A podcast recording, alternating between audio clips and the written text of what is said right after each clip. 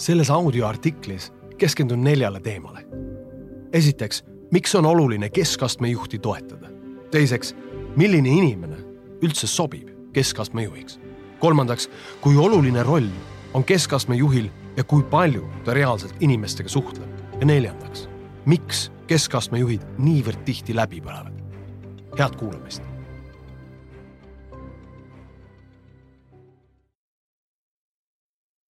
Uber lõi uue takso. Airbnb lõi uue hotelli. Google lõi uue entsüklopeedia. Amazon lõi uue raamatu. kõiki neid tegijaid ühendab lisaks revolutsioonilisele ideele ka iseärasus, et immateriaalse vara, tehnoloogia kasutamine muutis füüsiliste varade omamise nagu kinnisvara, autod ja muu selline konkurentsi seisukohast sekundaarse tähtsusega omaduseks ja mitte ainult. füüsiliste varade olemasolu ka Ameerika viiesaja suurima börsiettevõtte turuväärtuses on kahanenud kuuekümne kaheksa protsendilt aastal tuhat üheksasada kaheksakümmend viis kolmeteistkümnele protsendile aastaks kaks tuhat kakskümmend üks. teatud mõttes saab immateriaalsete varade hulka lugeda ka inimkapitali mille tasuvuse maksimeerimine on personali juhtimise seisukohast potentsiaalne võimalus turupositsiooni edendamiseks.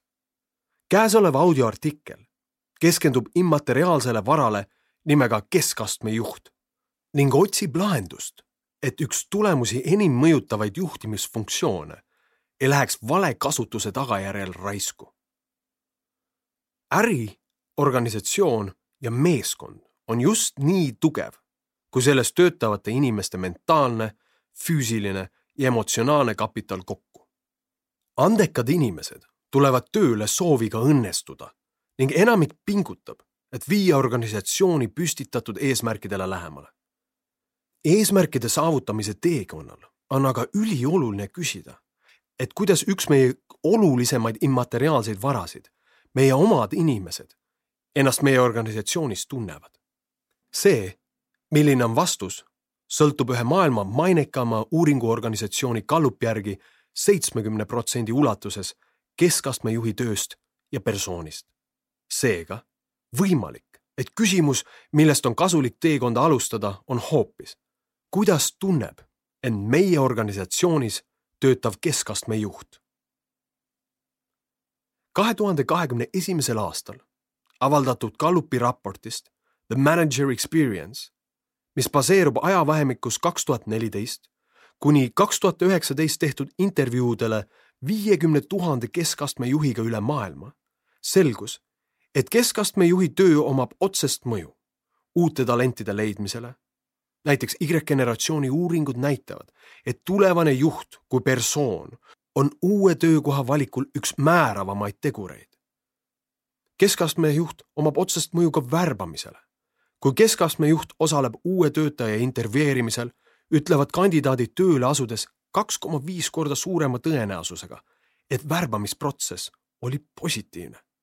keskastme juht omab mõju pühendumusele, inimeste soov teha, anda, panustada, luua, mõelda, saavutada on seitsmekümne protsendi ulatuses seotud nende otsese juhiga. keskastme juht omab mõju tulemuslikkusele ainult kaks inimest kümnest ütleb, et nende tulemusi juhitakse viisil, mis motiveerib neid andma parimat. seetõttu omab keskastme juht otsest mõju ka lahkumisele. viiskümmend kaks protsenti lahkumise avalduse lauale pannud spetsialistidest ütleb, et otsene juht oleks saanud midagi teha, et nad oleksid jäänud. ja ometi ainult viiskümmend üks protsenti lahkujatest ütleb, et viimase kolme kuu jooksul enne lahkumisavalduse sisseandmist võttis juht nende jaoks aega, et arutleda teemadel, mis puudutavad tulevikku ja eesmärke. kuna keskastme juhil on inimese karjääriteljele niivõrd oluline mõju, on keskastme juhtide hoolikas ametisse valimine eriti oluline. üks on kindel. keskastme juhtimine ei ole keskmistele. personali juhtimine toimib eesmärgiga suurendada organisatsiooni tootlikkust optimeerides töötajate efektiivsust ja keskastme juhi vastutus on selles protsessis suur.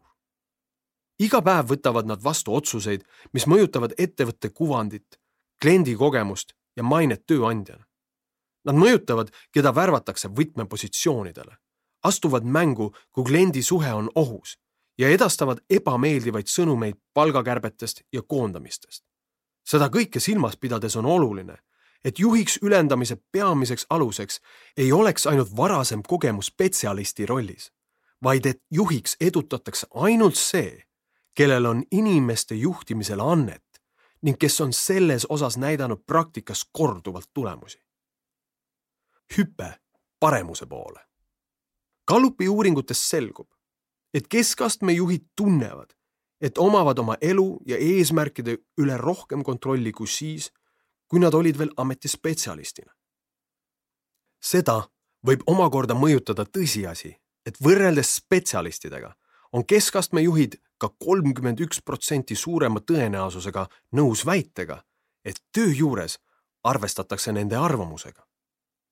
kuna tippjuhtkond enamasti kuulab nende soovitusi ning arutleb nendega strateegia üle, saab rahuldatud ka enamik Maslow püramiidi tähtsamaid vajadusi nagu kuuluvus, tunnustus ja eneseteostus. võrreldes kolleegidega on keskastmejuhid kakskümmend viis protsenti suurema tõenäosusega nõus, et ka palk ja motivatsioonipakett innustavad neid pingutama. võrreldes spetsialistidega, kes töötavad tihti suurema osa ajast üksi, veedab enamik keskastme juhtidest rohkem kui poole ajast teiste inimestega. koosolekud, kliendi kohtumised, tööintervjuud, ajurünnakud, tarnijate lepingud, meeskonnakaaslaste coaching, väljasõidud teiste juhtidega, ärilõunad ja nii edasi tuleb välja, et keskmiselt veedab keskastme juht päevas inimestega viis tundi, mis on kakskümmend kuus protsenti rohkem kui spetsialistidel. eriti veel struktuurides, kus dünaamiline ja pidevalt muutuv töökorraldus loob palju vaheldust. pikema aja jooksul tähendab pidev inimestega suhtlus, et juhtidel on selgem ülevaade ärist, rohkem võimalusi arenguks, nad saavad rohkem tagasisidet ning tunnevad üldiselt, et teavad, mis toimub ja millal toimub. Neile usaldatud autoriteet julgustab võtma ka riske ja paljud tunnevad, et neil on ka valik, millega töötada, kuidas töötada, millal töötada ja kellega töötada. kuid igal mündil on ju kaks külge. minu praktikas ei julge aga paljud keskastme juhid tunnistada, kui raske on nende töö tegelikult. Enamik neist on igapäevaselt vähemalt kahe tule vahel. ühelt poolt püüavad nad olla meele järele oma alluvatele teistpidi jällegi neile, kes asuvad neist ametiredelil kõrgemal. nimekirjale lisanduvad ühel või teisel kujul ka kliendid, abikaasa, lapsed, sõbrad ja sugulased. kõik tahavad midagi, aga kui palju saab inimene anda? kuna hea keskastme juht ei ole keskmine, siis annab ta ka väga palju. Aga kõigil on piirid, isegi keskastme juhil, kes seda ise ei tunneta ega tunnista. Gallupi hiljutisest uuringust selgus, et juhid töötavad nädalas neli tundi rohkem kui kolleegid. Ja kolmkümmend neli protsenti neist ütleb, et töö mõjutab negatiivselt peresuhteid. Nad ütlevad ka kuuskümmend seitse protsenti suurema tõenäosusega kui kolleegid, et päevad on täis segajaid, mis nõuavad sammu pealt pooleli oleva ülesande lõpetamist ja fookuse järsku vahetamist. Pole ime, et võrreldes spetsialistidega ütlevad juhid kakskümmend seitse protsenti suurema tõenäosusega, et päev töö juures möödus stressirohkelt. see on viitsütikuga pomm. mõnda aega on stress talutav, kuid aja jooksul suureneb risk, et ettevõtte üks olulisemaid immateriaalseid varasid, ettevõtte keskastme juht, põleb lihtsalt läbi. Uuringud näitavad, et tööalases läbipõlemises mängivadki suurimat rolli just hoomamatu tööülesannete hulk ja ebarealistlikud tähtajad. Gallupi raportist selgus et, et nelikümmend kaks protsenti keskastme juhtidest leiab, et prioriteedid, mis neile on seatud, on tihti üksteist välistavad ja ainult nelikümmend üks protsenti nõustub, et saab teha tööd, milleks ta päriselt palgati. see on probleemne, sest kui juhid ei tea, millele fokusseerida ja tunnevad oma rolli osas segadust, kuidas saavad nad kedagi teist selguse suunas juhtida? kui keskastme juht läbi põleb, ei suuda ta enam seista oma meeskonna heaolu eest ja on tõenäoline, et kaasneb ka ülejäänud tiimi läbipõlemine. märgates, et keskastme juhid ja nende alluvad ei ole piisavalt produktiivsed või et rahulolu küsimustikud näitavad langustrendi, pööravad liidrid tihti pilgu personaliosakonna poole. see on aga strateegiana poolik, sest tugev kultuur, selline, mis loob tulemusi ning hoiab parimaid vaimse tervise ja tasakaalu juures, algab mitte personaliosakonnast, vaid inimeste otsesest juhist ja keskastme juhtide puhul nende otsesest juhist. üks esimesi asju, mis iseloomustab läbipõlemise äärel töötavaid juhte, on nii-öelda meie versus nemad kõnepruugi kasutuselevõtt. keskastme juhtidel säilib tugev side oma alluvatega, sest sealt saadakse enesele teadvustamatult emotsionaalset tuge, kuid tippjuhtkonna visiooni, väärtuste ja eesmärkidega enam ei suhtestuta. kolleegidest, kellega igapäevaselt koos töötatakse, saab nii-öelda meie, samal ajal kui kõrgemal korrusel, teises linnas või naaberriigis olevast juhtkonnast saab nemad. aastatuhandeid elasid meie esivanemad väikestes gruppides, kus ellujäämine oli otseselt seotud sellega, kui ühtehoidev oli kommuun. võõrad hävitati kartuses surra, saada orjastatud või jääda ilma kogutud ressurssidest. meie versus nemad mõtteviis aitas püsida siis elus.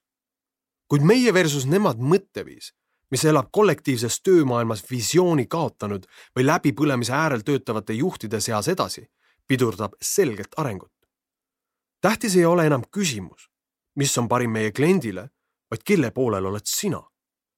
näited, mis on aastate jooksul kõrva jäänud, kõlavad umbes nii. kullakesed, minu käed on siin kahjuks seotud. juhtkond ütles, et me peame sedasi lihtsalt käituma. või siis, ma ei tea, miks me sellise totruse sisse pidime tooma. juhtkond lihtsalt ütles, et nii on ja kõik. või siis, kui see oleks minu otsustada, siis me teeksime kindlasti teisiti. seega, keskastme juhtimine ei olegi keskmistele. iseend kohustustesse kaotanud juht ütleb, et korraldused, mis pinget tekitavad, tulevad ülevalt kuigi tegelikult saaks kõike teha paremini, kui juht oskaks vaid iseenda ja oma meeskonna heaolu esikohale seada. See aga nõuab emotsioonidega seonduva töö mõistmist, tähtsustamist ja väärtustamist. kui juht ei tunneta ega oska nimetada oma emotsioone, ei tunne ta ka ära, millal ta on stressis, ei oska sellest rääkida, abi küsida ega märka seda ka teistes. enamasti puudub emotsionaalne sõnavara ja vaimse vormi märkamise oskus ka tippjuhtkonnas ja nii arvataksegi, et seni, kui inimesed käivad tööl ja numbrid on korras, sujub kõik paplanu ehk plaanijärgselt. alles siis, kui mõni projekt on ootamatult kokku kukkumas või kui väärtuslik töötaja lahkub, hakatakse küsimusi küsima. kuid juhist, kes terveneb kliinikus, ei ole organisatsiooni jaoks palju kasu Gallupi uuringute järgi töötab ligi kolmandik keskastme juhte läbipõlemise äärel. Tippjuhtkonna tasandil on äärmiselt oluline tegeleda ennetuse ja abinõude otsimisega juba täna. meetodeid on erinevaid. psühholoogiline nõustamine, mentorlus, coaching, üksteist toetavad ühised väljasõidud, töötoad ja koolitused, mis on suunatud positiivsuse leidmisele stressirohketes olukordades. aga kõige olulisem, juhid peavad rääkima juhtidega. Gallup on uurinud tippjuhtide praktikaid enam kui kolmkümmend aastat. Nad on avastanud, et neli tunnust, mida saab parimate puhul keskastme juhtide toetamisel välja tuua, on järgmised. esiteks, tippjuhid aitavad keskastme juhtidel näha suurt pilti ja tajuda visiooni. teiseks, tippjuhid soodustavad keskastme juhtide omavahelist suhtlust ja koostööd kolmandaks, tippjuhid annavad keskastme juhtidele identiteedi, mis on inspireeriv. ja neljandaks, tippjuhid toetavad keskastme juhte, et need omakorda saaksid oma karjääris areneda ja kasvada. on oluline, et lisaks nõustamisele ja koolitustele peaksid tippjuhid keskastme juhtidega pidevalt vestlusi, et olla kindlad, et keskastme juhid tunnevad end tulevikule mõeldes kindlalt ning tajuvad oma jätkuvat arengut. Ja siinkohas ongi oluline just vestluste sagedus, sest ainult kaheksa protsenti keskastme juhtidest tunneb end pärast üks kord aastas toimuvat arenguvestlust motiveerituna. kuidas peaks keskastme juht pidama aga ise efektiivseid arenguvestlusi oma inimestega, kui tema endaga neid ei peeta või need mõjuvad talle lausa demotiveerivalt? sel põhjusel ongi tähtis, et tippjuhid leiaksid iga nädal mitteformaalses vormis hetki, et kõndida oma keskastme juhtide kingades, näha maailma läbi nende silmade ning arutada, mis on hetkes olevad prioriteedid ja takistused. tohutu kiirusega muutuvas maailmas on oskus, mille arendamisega ei saa liiale minna. pidev õpe selles, kuidas muutuda järjest paremaks üks-ühele vestluste pidamisel. püsiva ja sagedase kommunikatsiooniga aitavad tippjuhid ennetada keskastme juhtide läbipõlemist ja keskastme juhtidel olla osa organisatsiooni meie pildist. keskastme juht, kes tunneb, et tema ja organisatsioon on üks meie, ei kasuta enam lauset eeskiri näeb ette, et seesugune käitumine pole lubatud, vaid ütleb, seesugune käitumine pole meil lubatud kuna keskastme juhid veedavad kakskümmend üks protsenti rohkem aega koosolekutel kui kolleegid ja peavad sellest hoolimata leidma aja, et ellu viia kokkulepitud eesmärgid, on oluline anda juhtidele ka iga päev aega mõtlemiseks ning kalendrisse planeeritud projektide lõpuni viimiseks. kui vaja, lubage juhtidele kodukontoripäevi, et nad saaksid segamatult tegutseda. personali juhtimine, mida klassikaliselt samastatakse HR osakonnaga ja mille funktsioonideks loetakse talendi omandamist, arendamist ja hoidmist, tööjõu vastavusse viimist äritegevusega ning suurepärase panuse andmist ettevõtlusele, on tegelikkuses see, millest koosneb enamike juhtide päev. HR-i üks olulisemaid väljakutseid täna ongi personali juhtimise võimekuse edasiandmine tipp- ja keskastme juhtidele. juhtidel peaksid olema HR-oskused, mitte lihtsalt HR-partnerid just nagu neil on olemas finantsoskused, mitte ainult finantspartnerid. keskastme juht ongi sild, mis ühendab juhtkonna visiooni ja eesliini töötajate igapäevareaalsuse. tihti on tegemist organisatsiooni kõige pühendunumate inimestega, kes on olulised kriitilise tagasiside edastajad. ühelt poolt aitavad keskastme juhid teha liidritel paremaid otsuseid ja samal ajal aitavad nad kolleegidel mõista organisatsiooni üleseid väljakutseid, muutes igaühe panuse oluliseks osaks missioonist. kolmkümmend kuus protsenti juhtidest ei usu Gallupi uuringutele tuginedes, et neil on olemas vajalikud oskused, et teha oma tööd soovitud tasemel. kuigi paljud juhid ütlevad, et organisatsioon panustab nende arengusse, näitavad Gallupi uuringud, et enamik programmidest ei suurenda juhtides enesekindlust ega inspiratsiooni saadud õpetusi tulevikus kasutada. tunnen siirast heameelt, et minu juhtimiskoolituse tugevustele tuginev juhtimine tagasiside on erinev. kui juhtide arengut suunatakse lisaks välismaailma juhtimisele ka enesejuhtimisele, kui neil on selge, mis on organisatsiooni visioon, kui nende tööle antakse otsest ja õigeaegset tagasisidet, on ka keskastme juhtidel jätkuvalt ressurssi, et oma meeskonda tulemuslikult juhtida ja ehitada Airbnb, Uberi ja Amazoni kombel järgmine uus, mis korrastab ja muudab maailma paremaks või sünnitab mõnes Eesti startup'is veel ühe unicorn'i. ma loodan siiralt, et selle audioartikli kuulamine oli sinu jaoks väärtuslik aeg ja kui see nii oli, siis kutsun sind ka kuulama minu täispikka audioraamatut Ratsionaalne emotsionaalsus, tugevad tulemused pehmetest tegudest, mille info ja lingi leiad minu kodulehelt alarojastu.com